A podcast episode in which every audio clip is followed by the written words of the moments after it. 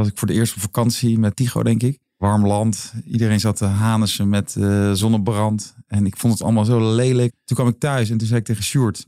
hey, moeten we niet iets met zonbescherming in het algemeen doen? Toen zei hij heel nuchter... Ja joh, één slechte zomer, we zijn failliet. Ik heb niet zo vaak stress. Maar toen ik deze naam te horen kreeg voor het eerst... dacht ik, wow, dit wordt wel een, een lastige. Maar eigenlijk, hoe verder we komen, hoe blijer ik ervan word. Ik weet nog goed dat we vorig jaar, toen corona net uh, uitbrak, dat Sjoerd naar me kwam en zei: Joh, we gaan voor B. Toen hebben we onszelf in een hok opgesloten, letterlijk. En gezegd: we komen er pas uit als we B Corp zijn.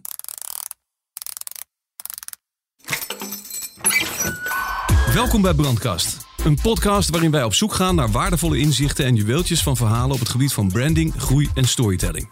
Een plek ook waar wij de merkgeheimen van onze gasten bewaren. Naast mij zit Dominique Henskens, Creative Director. En mijn naam is Roger Verdurme. Ik ben Strategy Director.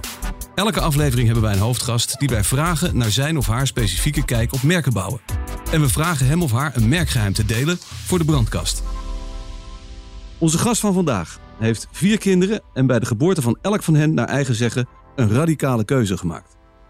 Als medeoprichter en eigenaar van het merk Naïef maakt hij zich sterk voor duurzaam ondernemen in babyverzorging. Niet al te lang geleden kwam daar een lijn verzorgingsproducten voor volwassen vrouwen bij. Bij Unilever kreeg zijn kennis van merkenbouw gestalte. En nu wil hij over vijf jaar net zo groot zijn als zijn voormalige werkgever. Althans, dat zei hij in een eerder interview. Dominique, wat weten wij nog meer? De keuken van dit seizoen is zijn favoriet, want hij houdt van asperges, verse aardbeien en verheugt zich nu al op de Hollandse nieuwe. Hij is een muziekomnivoor, luistert naar alles, zelfs kinderen voor kinderen, met dank aan het algoritme van zijn Sonos-account. Hij houdt van bootcamp en racefietsen, maar alleen als het lekker weer is. Vandaag spreken wij met Jochem Hes. Welkom Jochem. Dankjewel. Meteen even een correctie, want je, je keek heel, heel ingewikkeld toen ik zei ja, vijf jaar. Dat maar dat stond in een artikel in de ja, Ondernemer. Nee, klopt. Maar dat hebben we natuurlijk nooit gezegd. Ik ben, ah. ben niet gek. Ik krijg hem wel vaker terug. Van vijf, over vijf jaar net zo groot als Unilever. Oh, ja. dat, is, dat is een uh, illusie. Bij deze, bij deze gecorrigeerd. Nou, maar we, we, gaan het er wel nog over hebben wat je ambities wel zijn natuurlijk. Ja. ja. Kun je wat meer vertellen over je zakelijke achtergrond? Mijn zakelijke achtergrond? Bedoel, mijn carrière tot dusver? Heel zeker. Eng woord. Ehm, zeker, ja. Ik heb in Groningen gestudeerd. Daar heb ik bedrijfskunde gestudeerd. Met heel veel plezier. Ben toen, wilde eigenlijk heel graag bij kleine bedrijven gaan werken. Alleen, die kende ik toen niet. En op de universiteit word je toch een beetje aangetrokken tot de grote jongens. Uh, zodoende bij Unilever terechtgekomen. Nou ja, eenmaal daar een business course uh, gelopen. Dacht ik, nou hier wil ik heel graag werken. En dan heb ik ook met vijf jaar met heel veel plezier gewerkt. Verschillende rollen. Altijd binnen marketing. Eerst uh, binnen foods, Conimax. Fantastische tijd gehad. Um, en een tweede baan was bij binnen de Deo's, Rexona. En dat was ook echt uh, heel leuk. Dus ik kijk met heel veel plezier terug op die tijd. En uh, nou, hoop mensen leren kennen. Maar had wel altijd tegen mezelf gezegd: als ik te lang praat, moet je het ook zeggen. Dat is goed, dat doen we, maar ja, dat is nog niet zo. Nee, dat gaat ook. goed. Nee, uh, uh, ik had wel altijd tegen mezelf gezegd, vijf jaar en dan moeten we eens verder kijken. Nou, en de dag dat ik er vijf jaar werkte, ben ik ook doorgegaan. En ben ik uh, bij Google beland. Wat ook heel gaaf was, want ja, helemaal aan die tijd, iedereen wilde met Google praten. Ja, jij zegt beland, dat wil ik meteen even op inhaken. Ja. Want dat is, dat is voor menigeen een droom. Ja. En jij bent daar beland. Dat is interessant. Hoe? Ja, binnen Google, wordt, uh, zoals je eenmaal bij Google werkt, worden de, de werknemers heel erg gestimuleerd om mensen aan te eh, dragen. En een bekende van mij die werkte daar en die had mij, hey, uh, had mij een soort van gevraagd: van, lijkt je niet leuk om hier te komen werken? En ze hadden toen net een nieuw team, zijn ze, waren ze gestart, wat zich richtte op de wereld van de fast movers. Nou, en daar kwamen ze allemaal mensen van Heineken, Procter, Unilever binnen. En ja, zo doende ik ook. Maar ja, dat, ja, dat ging heel snel. En uh, dat, Google stond niet boven op mijn lijstje. Maar het was wel heel, heel leuk om, uh, om daar slechts twee jaar rondgelopen te hebben. En ik denk dat ik na zes maanden pas erachter kwam wat ik nou eigenlijk daaraan doen was. uh, maar goed, wel nogmaals heel leuk ehm, bedrijf om rond te lopen. Helemaal in die periode, wat ik al eerder zei. Uh, alles kon, mocht en was mogelijk. maar wat ik heel erg miste, was iets in mijn hand. Want bij Unilever was het een zak kroephoek of een uh, deo-fles. Ja. En bij Google was het altijd een moeilijk verhaal. Een presentatie die iemand anders had gemaakt. En nou ja, allemaal helemaal, uh, helemaal af en gelikt. Maar niet mijn uh, product. En, toen, toen kwam je met eh, het idee voor verzorgingsproducten. Voor... Ja, en toen werd ik dus een vader. eh, Ja. en, en dacht ik, eh, toen was ik voor de eerste vakantie met, eh, met Tigo, denk ik. En eh, warm land. Iedereen zat te hanissen met eh, zonne, zonnebescherming, zonnebrand. En ik vond het allemaal zo lelijk. En met van die parasolletjes en hoedjes. En toen kwam ik thuis en toen zei ik tegen Sjoerd, met wie ik naïef eh, gestart ben. hey, moeten we niet iets met zonnebrand, zonne, zonnebescherming in het algemeen doen? Toen zei hij heel nuchter, ja joh, één slechte zomer, we zijn failliet. Mm. En toen zijn we breder gaan kijken naar die markt van verzorging. Ja. En toen is Naïef eigenlijk ontstaan op basis van twee inzichten. Eén, we misten kwaliteit. Daar kan ik uren over praten. En twee, eh, we misten gewoon een cool merk. Punt. Ja. En wij dachten, als we die kunnen combineren, dan hebben we wellicht iets wat, eh, wat, waar, we, ja, waar we de boer mee op kunnen. Ja, je mist de kwaliteit, zeg je. Maar eh, daar was je dus wel heel bewust naar op zoek dan? Want het begon dus bij het, het inzicht van... oké, weet je, zon en kinderen, slechte combinatie... wordt op hele vervelende manieren opgelost. Eh, maar het, het gaat breder. Ja, nou, we zijn ons gaan verdiepen in, die, eh, in, in de verzorging. En er waren ook niet honderd merken, dus dat was niet heel ingewikkeld. Je draait het flesje om en je ziet, je gaat googlen of je praat er met experts over. En Sjoerd heeft wat meer technische achtergrond, dus die is daar redelijk, eh, die, die weet er wel wat van. En nogmaals, zo moeilijk is het niet. En toen zagen we, ja, dat is minerale olie, mooi woord voor aardolie, wat chemisch geconserveerd wordt met eh, allerlei schuimvormers, eh, SLS, SLES en allemaal eh, parfum. Ja, wat raar dat je dat in een potje stopt en daar 3 euro voor vraagt en daar je kinderen mee insmeert. En zo moeilijk is het niet, maar ze doen het allemaal op die verkeerde manier, zeg je. Waarom doen zij het dan niet? Ja, dat, Goed. dat, dat is een, vind ik een hele goede vraag. Want zo moeilijk is het niet. En het is, ja, het heeft waarschijnlijk met. Het is moeilijk om ook ehm, voor grote merken die al heel lang bestaan, ehm, van de, de ene op de andere dag te zeggen: ja, by the way, wat we de afgelopen 80 jaar gedaan hebben, ja, sorry daarvoor. We gaan nu volledig iets anders doen. Dat is natuurlijk best lastig. Ik denk dat geldt voor alle grote merken die al heel lang bestaan. Dan is een, een, een nieuwe trend of een nieuwe eh, richting best lastig. Omdat je toch een beetje vastzit aan je historie. En eh, ja, daar konden wij, wij bestonden nog niet. Daar konden wij mooi op inspringen. Ja, want hoe is het jullie wel gelukt? Wat zijn de...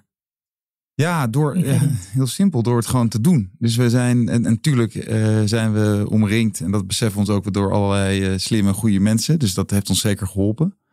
Ehm, dus in eerste instantie hebben we wat informals om ons heen verzameld. Ook, ook wat financieel wat daadkracht eh, te krijgen. En, In, eh, informals als investeerders, ja, zeg maar. Ja, ja. ja, ja. F- Familie, vrienden, kennissen. Ja, een soort, een soort mix van dat inderdaad. En ja, wij zijn bij onze producent eh, via via aangeklopt. En daar, die heeft ons eerst, eerst zei hij natuurlijk nee, ga ik niet doen.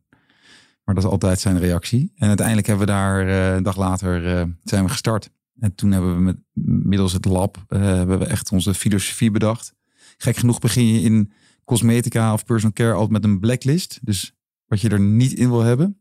En dat was voor ons eigenlijk de, hetgeen wat tot dusver op de markt stond. Dus geen mineralolie. Nou, daar gaan we weer. Dat Ja. hele lijstje. En best wel wat meer dan dat. Dat wilden we er per se niet in hebben. Ja, en dan moet je dus iets anders erin gaan stoppen. En in ons geval zijn dat dan natuurlijke oliën, zoals avocado, katoenzaad. Een natuurlijke vorm van conservering. Eh, geen eh, chemische schuimvormers. Een allergeenvrij parfum. En nog veel belangrijker vind ik, eh, geen dierlijke vetten, geen plastic. Voor ons heel normaal, maar helaas voor de markt eh, nog niet. Maar het, moet- het moet wel lekker ruiken. Ja. Het moet wel goed smeren. Ja. Het moet wel, dat kan.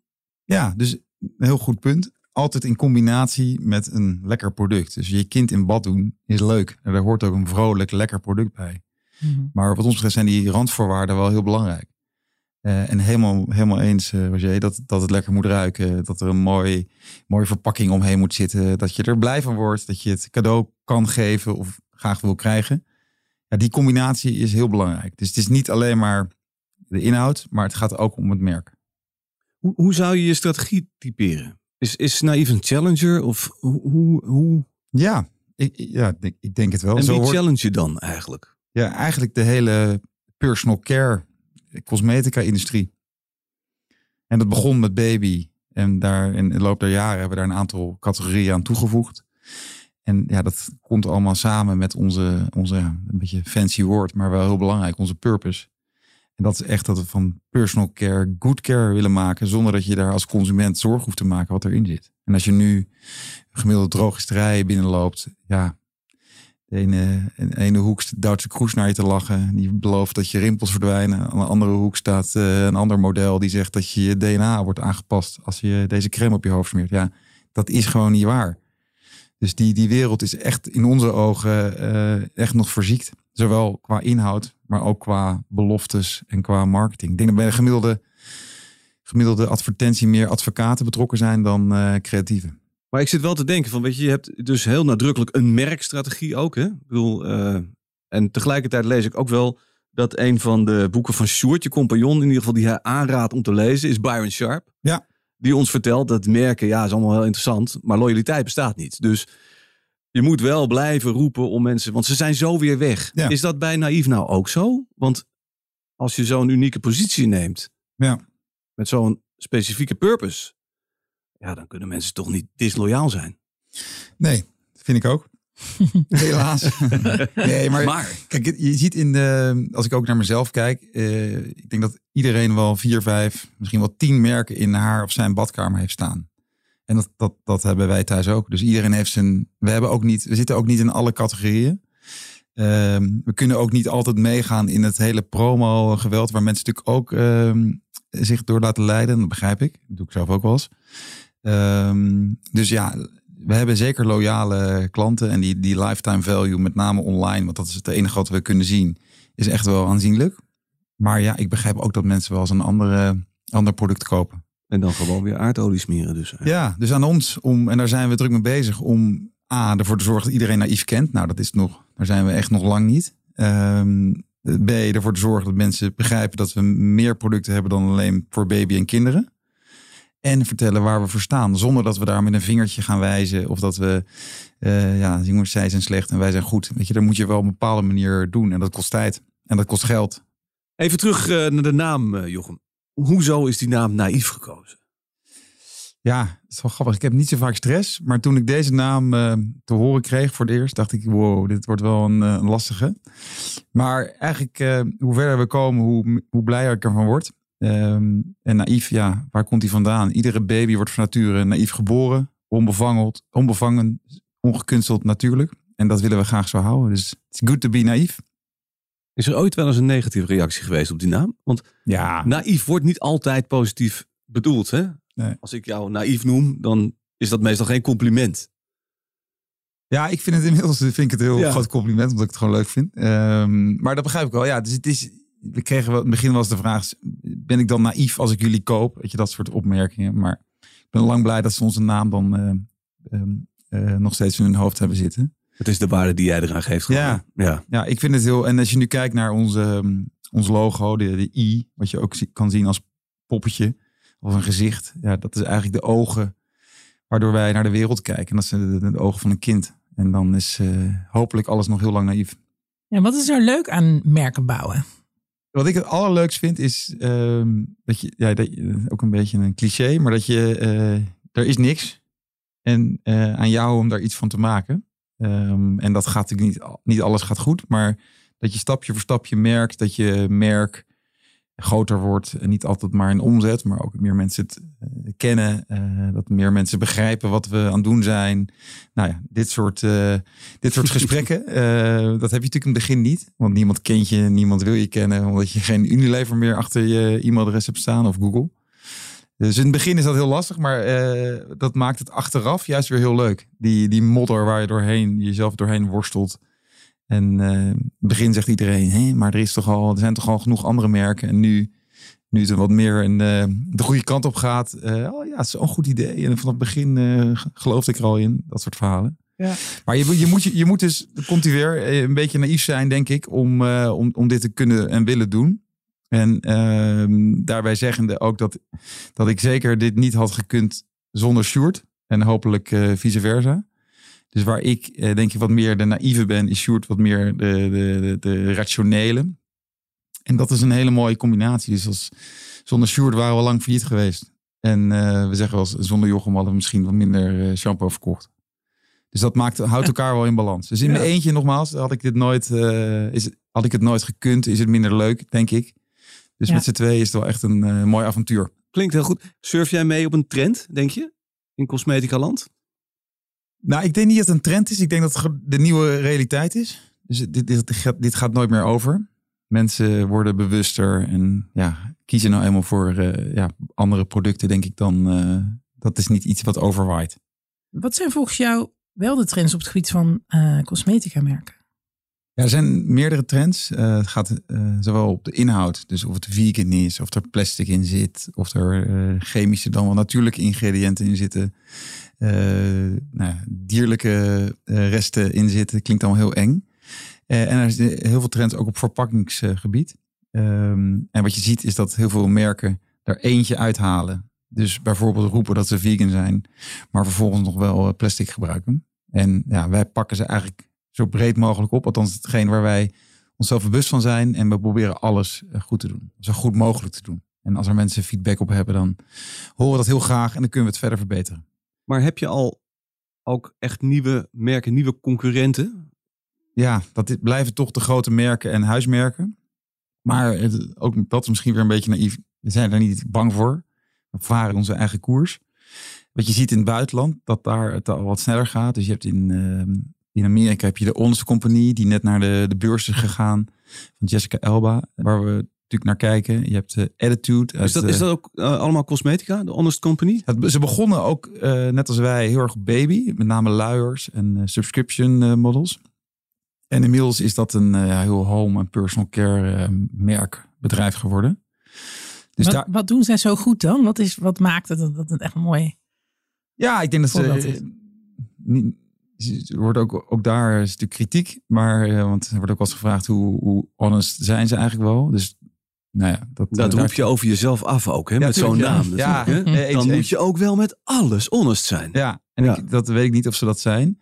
Maar het is, natuurlijk- volgens mij zijn ze één of twee eerder begonnen. En die zijn net voor 2 miljard eh, naar de beurs gegaan. Dat is natuurlijk ook al Amerika, is een andere markt dan hier. Maar ja, ze, die, ze doen heel veel dingen goed. Dus ze hebben dat merk heel goed neergezet. Ze, zijn, eh, ze waren er op tijd bij. Ze hebben heel hard doorgepakt. Dus ze hebben echt, eh, nou ja, weet ik hoeveel categorieën aan toegevoegd. Qua distributie enorme stappen gemaakt. Waar het eerst alleen online was, hebben ze nu, liggen ze in elke winkel in Amerika. Dus ja, op alle fronten hebben ze denk ik heel goed gedaan. Zie je daar ook een voorbeeld in als het gaat om diversificatie? Ja, zeker. Het is een heel mooi voorbeeld. Maar ik denk niet dat dat, dat de, de weg is die wij opgaan. Dus wij, wij willen echt in die personal care, dus weer terug naar de purpose. Daar willen we ons op focussen. Daar denken we dat, we, dat onze rol, eh, dat, dat daar onze rol ligt. En die willen we, ja, daar zijn we net mee begonnen. Dus daar zijn we lang niet meer klaar. Dus we willen juist proberen om te focussen. Want anders eh, ja, gaat het mis. Denk je dat consumenten echt liever goede producten kopen? Of is het ook een beetje om een schuldgevoel af te kopen? Of hoe? Wat denk jij? Ik denk eh, allebei. Dus sommige mensen, dat is nog een kleine groep, die koopt heel bewust ja, goede, tussen haakjes, producten of betere producten. Ehm, ehm, en die groep groeit heel hard. Dat zijn echt, als je kijkt bij ons op kantoor, gemiddelde leeftijd denk ik 28. Ja, dat is zo'n andere wereld. Eh, Heel leuk hoor, dus niet eh, negatief. Maar die zijn allemaal vegan, die eh, maken hun eigen deo, die eten de hele dag hummus in plaats van eh, boterhamworst. Dus dat is, dat is echt wel een andere generatie. ook. Ja, de- echt een andere generatie. En ehm, ja, ik denk, ik denk dat zij nog veel kritischer zijn en, op, op producten, op de inhoud daarvan. Dus, ehm, en, en daarnaast heb je ook zeker mensen die, eh, die het kopen om hun schuldgevoel misschien af te kopen. Zeker. Hoe ga je daarmee om in je reclamestrategie? Is dat echt een groep die je expliciet aanspreekt of juist niet? We hebben één doelgroep, dus dat zijn jonge vrouwen, 20, 40, met of zonder kinderen. Dus dat, dat is heel lekker. Dus we kunnen ons heel goed focussen. En die proberen we op verschillende manieren, middels verschillende kanalen aan te spreken. Eén, een groot deel is natuurlijk online. Dat doen we zelf via eh, performance eh, marketing, paid, eh, die kant. Een stuk is influencing. Nou, ik denk dat we daarmee die doelgroep heel erg goed kunnen aanspreken. Maar ook zijn we above the line actief. en kopen we ja, grootse bushokjes of abri-campagnes in. En zijn we op de radio nu actief. En ja, onze inzien so far is dat een hele mooie combinatie. Dus aan de ene kant kan je heel gericht, heel getarget je consument te pakken krijgen. Aan de andere kant, wat ik al eerder zei, ja, zijn we net begonnen. En moeten we echt nog die brand awareness bouwen. En eh, het mooie is dat we dat nu met een, denk ik, nu het merk redelijk op orde is en redelijk staat, kunnen we het ook wat harder schreeuwen. We hebben ook along the way hebben we een beetje begrepen waar we voor moeten staan, uh, hoe we dat moeten vertellen, hoe we dat eruit moeten laten zien. En uh, ja, dat is natuurlijk een. Komt, nu, komt nu de Unilever school ook weer een beetje ja, maar dan ben je zo. Ja, zeker. Ik heb daar heel veel geleerd. Nogmaals, en uh, geen verkeerd woord uh, daarover.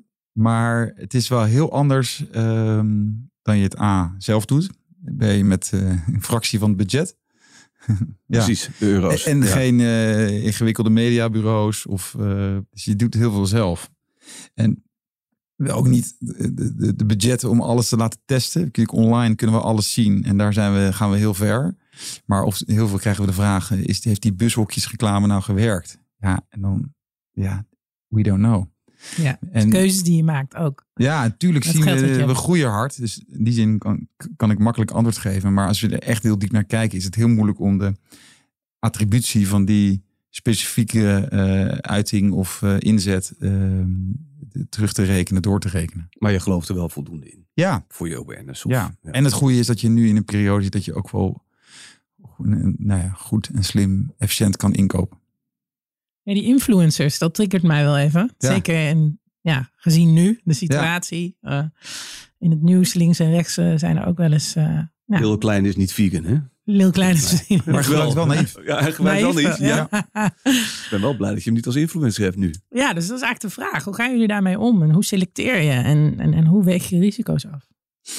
Nou, daar heb je hem weer. We gaan altijd terug naar de, de purpose en de waardes en uh, hoe, wij de wereld, uh, hoe wij de wereld zien. Dus dat, dat geeft heel veel houvast. En dan proberen we ook echt onszelf te dwingen om vanuit daar uh, te kijken wie zou daar mooi bij passen. Nou, kort iets verteld over de doelgroep, met of zonder kinderen, jonge vrouwen. En daar kijken we naar. Ja, wie, wie zijn dan de influencers waar wij ons aan willen koppelen? En en de, ene inzet is puur awareness, op awareness gebaseerd. En de andere is wat meer op conversie gebaseerd. En zo hebben we denk ik een hele mooie mix uh, verzameld van allerlei influencers. Sportief, uh, meer op uh, food, meer op personal care, meer op lifestyle.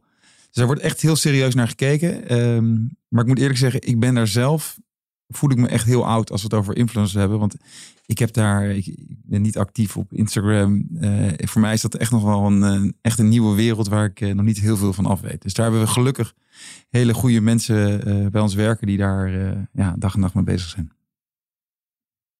En je houdt de risico's ook in de gaten.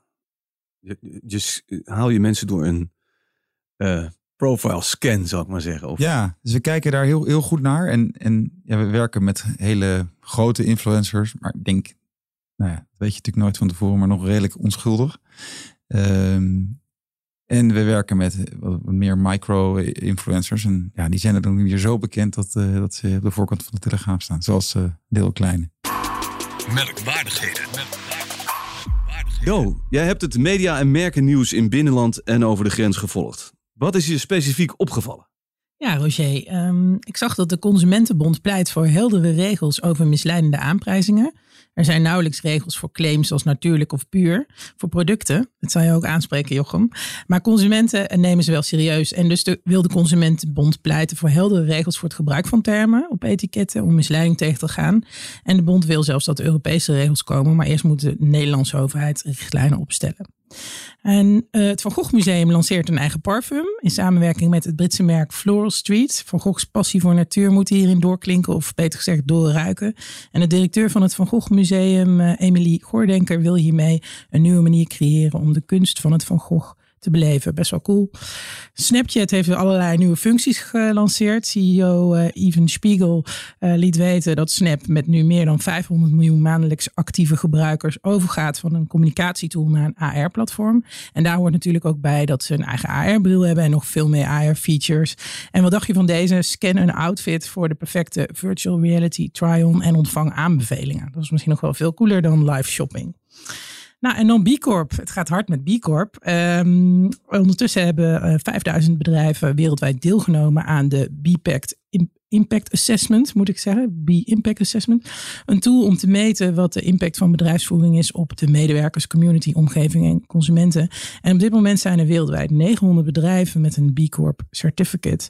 En dat is een heel mooi bruggetje naar Jochem, want uh, Naïef heeft een uh, Jullie zijn er één van. Wij zijn er één van. Ja, vertel. Wat is het? Wat B Corp is. Ja, B Corp is een, uh, blijft een certificering. Uh, ook wel denk ik een soort movement. Uh, waar bedrijven die ook echt ja, business doen, maar dan op een goede manier, ehm, zich voor aan kunnen, nou niet melden, want dat, dat is het helaas niet. Of eigenlijk heel goed dat het niet zo is. Dus het is een heel streng assessment waar je doorheen moet, waar je echt doorheen moet worstelen. En dat, daar ben je maanden mee zoet. En ik weet nog goed dat we vorig jaar, toen corona net uh, uitbrak, dat Stuart naar me kwam en zei: Joh, we gaan, uh, we gaan voor B. Dus toen hebben we onszelf uh, in een hok opgesloten, letterlijk. En gezegd: we gaan er pas, komen er pas uit als we B zijn. Nou, dat is niet helemaal de waarheid. Maar we hebben ons wel door het assessment geworsteld met z'n tweeën. En toen kwamen we er eigenlijk achter dat we, dat we er heel goed voor, voor stonden. En toen zijn we echt onszelf daar verder in gaan worstelen. En een paar maanden later waren we het. Het gaat veel verder dan je product ook. Hè? Zeker. Ja, het, het, gaat, het, het heeft alles te maken met je sociale beleid. En dat ja, met je, ja, dus met je governance, met je werknemers. Dus het gaat eigenlijk heel beperkt over product. Maar meer over ja, hoe, je, hoe je business doet. En waarom vond, ja, Sjoerd kwam ermee. Waarom vond hij het zo belangrijk? En waarom vind jij het nu ook zo belangrijk? Nou, ik vond het ook belangrijk. Ja. Maar Sjoerd is dan weer de, ja, denk ik, die kijkt wat verder. Meer de stratege van ons tweeën. En die, ja, die uh, had daar waarschijnlijk iets over gelezen. Uh, en die zei, uh, dit moeten we gaan doen. Dit is iets wat belangrijk is, nog veel belangrijker gaat worden. En ja, voor ons merk heel, heel mooi kan zijn. En niet alleen voor ons merk, maar ook voor ons team en voor ons bedrijf. Ja, want wat brengt het je nu concreet? Wat merk je verschil? Ja, het is een heel trots gevoel dat wij dus onszelf in hetzelfde lijstje scharen als nou ja, de bekende merken zoals Ben Jerry's, Patagonië, uh, dat, dat, geeft echt een gevoel van uh, trotsheid. Je, je geeft bepaalde commitment af. Dus je, je bent het, maar de vraag is, blijf je het ook? Dus je moet echt jezelf ja, toch wel echt dingen gaan veranderen. Om dat te blijven of om weer hoger te, uit te komen dan nu. Het heeft ons heel veel PR gebracht. Dus dat is, dat, daar hebben we echt enorm op meegelift. Maar ook heel leuk om te zeggen dat we bijvoorbeeld met de samenwerking die we hebben met Albert Heijn, die vindt dat ook belangrijk. Nou, dat Albert Heijn zelf B Corp gaat worden, dat, uh, dat is maar de vraag. En dat zal lastig zijn met zo'n groot bedrijf. Maar wat ze gedaan hebben, ook om te laten zien dat ze het wel belangrijk vinden. Ze hebben een bepaalde maand, ik weet niet exact hoofd wanneer dat was. Hebben ze alle B Corp merken, met name online, een soort podium gegeven. Ja, dat, dat is voor ons heel fijn. Dat ze dat uh, dus ook naar buiten toe aangeven dat ze het belangrijk vinden. En ik denk ook wel um, op termijn voor je ja, bedrijf, voor je merk als waarde, uh, dat het een hele belangrijk is. Dus het, heeft, een... het heeft ook wel een commercieel uh, effect. Ja. Nu eigenlijk al. Zeker. In je relatie ja. met Albert Heijn. Ja, en ik, ik, ik denk dat de consument uh, daar niet, lang niet iedereen weet wat het is. Dus ook aan ons en al die andere B Corps om dat beter te vertellen en uit te leggen. Maar ja, het belangrijkste is dat we er heel, uh, heel trots op zijn. En dat je het ook echt merkt als, als team. Dat je daar uh, nou ja, trots op bent. Zijn er merken waar je bewondering voor hebt? Zeker, ja, heel veel. Uh, binnen onze eigen kleine wereldje is dat, als ik er één moet noemen, is dat Weleda. Wat een heel mooi, ja, idealistisch merk is. we hebben ook regelmatig contact mee. Ik denk dat we op heel veel vlakken dezelfde beslissing nemen. Uh, ik denk op merkniveau dat zij een andere route gekozen hebben. Nou, helemaal prima. Uh, en een andere merk, ja, daar kom je al snel in het lijstje wat iedereen waarschijnlijk opdreunt. Uh, Tesla, Patagonia. Maar ook kleinere merken zoals Zeepje. je hebt een heel mooi koffermerk uit Amsterdam, als ik het goed uitspreek. Naduvi, dacht ik. Ja, um, ja dus een hele mooie mix. Maar er zijn voldoende merken inderdaad waar we tegen opkijken of tegen aankijken of uh, bewondering voor hebben. Misschien soms wat van leren. Zeker, ja. zeker, ja zeker. Nee, we weten, we kunnen nog heel veel leren. Je zou gezegd hebben in 2018, mind you, dat je over vijf jaar tien keer zo groot bent. Ja. Dus, hoe, hoe staat het ermee? Zijn we in 2023 tien keer zo groot dan in 2018? Nee, ik denk nog wel groter. Ah, Ja, dus eh, in die zin eh, heb ik weer gelogen. Eh, nee, ja, dus we zitten nu in een hele leuke fase dat we, dat we heel hard groeien. Dus vorig jaar zijn we als bedrijf 2,5 keer zo groot geworden. Wat een enorme boost geeft. En ook ons weer extra middelen geeft om weer door te groeien. Ja, en dat gaan we dit jaar weer doen. En ja, als het aan ons ligt, volgend jaar weer. Dus, dus het mooie is dat je die, die horizon elk jaar, elke, ja, elk jaar als het goed is, weer eh, verlegt. kun je iets meer zeggen over je internationale ambitie? Zeker. Ehm, we zijn heel opportunistisch. Ooit zo gestart en dat is eigenlijk het allerleukste. Dus we liggen in heel veel landen. Nou, dat klinkt altijd heel cool. Ehm, dus waarvan we onszelf bewust van zijn, zijn dat nu iets van 15 landen. Maar wel met een hele duidelijke focus op eh, de landen om ons heen. En voor nu is dat België, waar we ja, hard groeien ook. En Duitsland, waar we eigenlijk pas een jaar eh, geleden gestart zijn. En nu echt in de eerste grote retailers eh eh, terechtgekomen zijn. En dan begint het spel, want dan ja, moet ook de marketing, marketingmachine zijn werk gaan doen. Dus daar zijn we druk mee bezig. Dus dat moet ook echt focus hebben. Dus je kan niet in twintig landen tegelijkertijd hard groeien. Ehm, maar we zien, eh, ja, dus de focus is duidelijk. Maar ook bijvoorbeeld altijd leuk om te noemen. In Indonesië liggen we in 300 winkels. En groeien we ook heel hard. En hebben we meer Instagram-volgers dan eh, heel Europa bij elkaar. Ben je dan meer een ondernemer of een idealist? Ik denk toch meer een ondernemer. Want? Nou, omdat ik Jochem ben en, niet, eh, en ook een beetje naïef. Maar ik, het merk is een idealistisch merk. Maar Jochem is de ondernemer daarachter. Zou je je dan ook kunnen voorstellen dat je hierna of daarnaast een merk bouwt wat helemaal niet op zo'n idealistische grond is gestoeld? Nee. Nee. Ik denk dat dat altijd wel een soort van randvoorwaarde blijft eh, met eh, alles wat we gaan doen. Omdat ik ook, wat ik al eerder zei, het is geen trend. Het is de nieuwe realiteit. Dus als we ooit beslissen om... eh, ik, ik ga ervan uit dat ik dit de rest van mijn leven met Stuart blijf doen. Maar ehm, dan eh, blijft dat denk ik een hele belangrijke basis voor ons om iets, iets nieuws te starten. Maar we, we zijn nog lang niet klaar. Hè? Dus eh, voorlopig eh, volle focus op naïef. Jochem, we naderen een beetje het einde van deze podcast. En ehm, we hebben een hoop geleerd. Ja. Ehm, allereerst bij cosmetica. Begin je eigenlijk met de blacklist van wat je er per se niet in wil hebben. Vind ik erg interessant. Mensen moeten weer naïef kunnen zijn bij het shoppen. En loyaliteit bestaat zelfs bij babyproducten amper. Maar ik wil je tenslotte één ding vragen, Jochem. Wat is het merkgeheim wat je in de brandkast wil achterlaten? Ja, het is een beetje een no-brainer. En het is iets wat ik wel vaker roep. Ehm, maar het is, het is niet zo moeilijk. Dus ehm, iedereen denkt dat, van dat wij, wat wij aan het doen zijn echt heel ingewikkeld is. En, en, en dat je echt dus, ehm, ja, ik veel, eh, van- ehm, echt de wereld wil veranderen. Dat dat heel ingewikkeld is. Maar dat vindt mijn inziens is dat niet zo. Dus ik, ik begrijp ook niet waarom de grote merken niet de minerale olie uit hun producten halen en daar dat vervangen voor natuurlijke olie. Ik begrijp het wel, want het is natuurlijk wat duurder. Maar als dat het is, ja, dan is dat het. En dan kan je wel weer op een andere manier daar eh, jezelf uithalen.